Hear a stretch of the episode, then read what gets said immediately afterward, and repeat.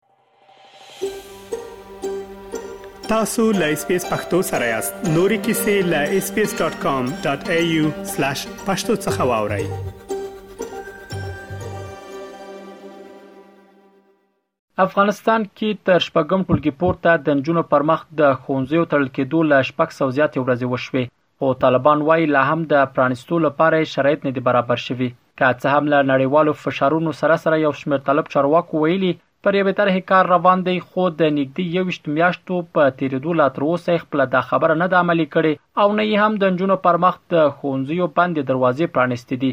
د نجونو ښوونځیو په تړاو د طالب چارواکو دغه دریځ ګڼ شمېر افغان نجونې ناهیلې کړي او ځینې ان دې ته اړ شوي چې د زده کړو لپاره له کورنیو سره یو ځای له افغانستانه ووځي حبیبه د کندوز ولایت اوسیدونکې ده هغې اس بي اس رادیو ته وویل خپل راتلونکي ته ناهیلې شوي او هغه هیلې یې چې پخوا درلودلې او غوښتل یې ورته ورسیږي د ښوونځیو تړلې پاتې کېدو سره یې په زړونو کې وژل شوي هغه د طالبانو له حکومته غواړي چې څومره ژر کېږي د نجونو پر مخ دې د ښوونځیو بندې دروازې پرانیزي. تر ډېره کومې هیلې چې موږ یې درلودې، لږ پاتې وو چې موږ ورته ورسېږو، خو د ښوونځیو یو ناڅاپه تړل کېدل د دې باعث شو چې زموږ هیلې زموږ په زړونو کې ووژل شي، له موږ هغه روحیه واخیستل شوه کوم چې په کومه روحیه چې موږ مخ ته تللو، موږ په کومه روحیه چې غوښتل په راتلونکي کې د خپل هېواد، هېوادوالو لپاره د خدمت یوه جوګه پاتې شو. او له دولت څخه مو هیله دا ده چې که چیرته هر څومره کېدلی شي نو د افغانستان په دې معصومه او عاجزه طبقه دې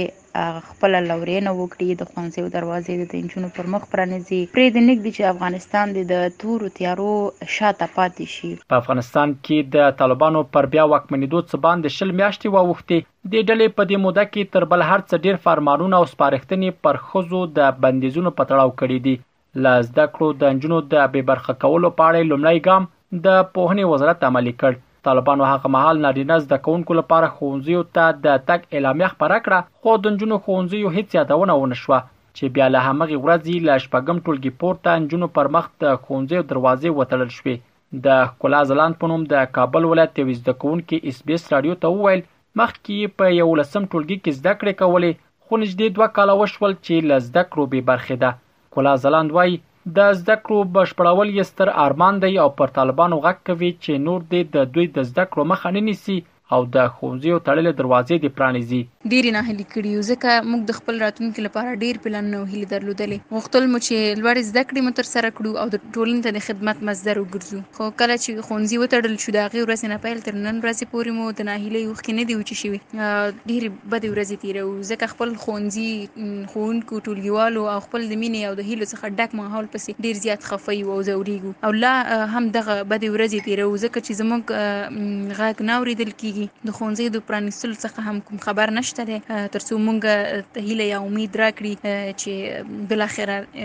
زموږ پر وړاندې بندې دروازې به د ښوونځيو خلاصې شي. د امارت اسلامي څخه مې دغه غوښتنه ده، خصوصاً د رياست معارف له مقام څخه، څخه چې زر تر زره زموږ پر وړاندې د ښونځیو دغه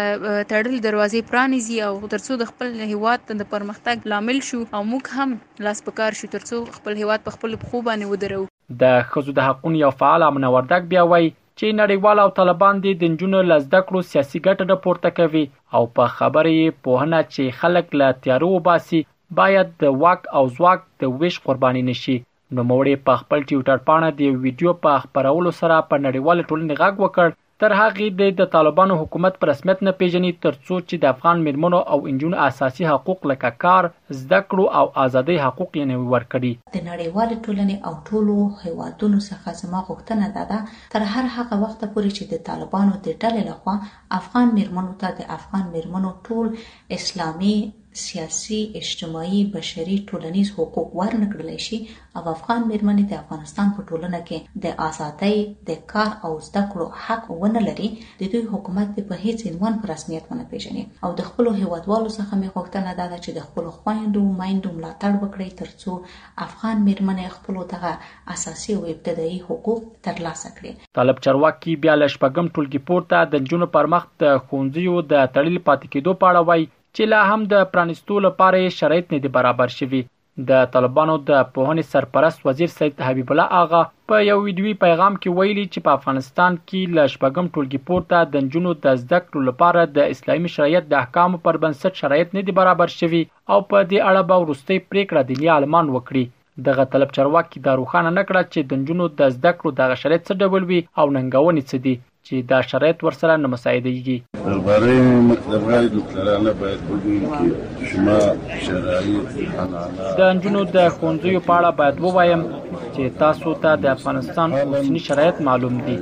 اوس وخت کې شرایط مساعد نه دي. کله هم چې شرایط مساعد شي د شریعت د احکام مطابق به ان شاء الله تعالی د خلکو په مرسته او د علماو سره په مشوره پریکړه وکړو.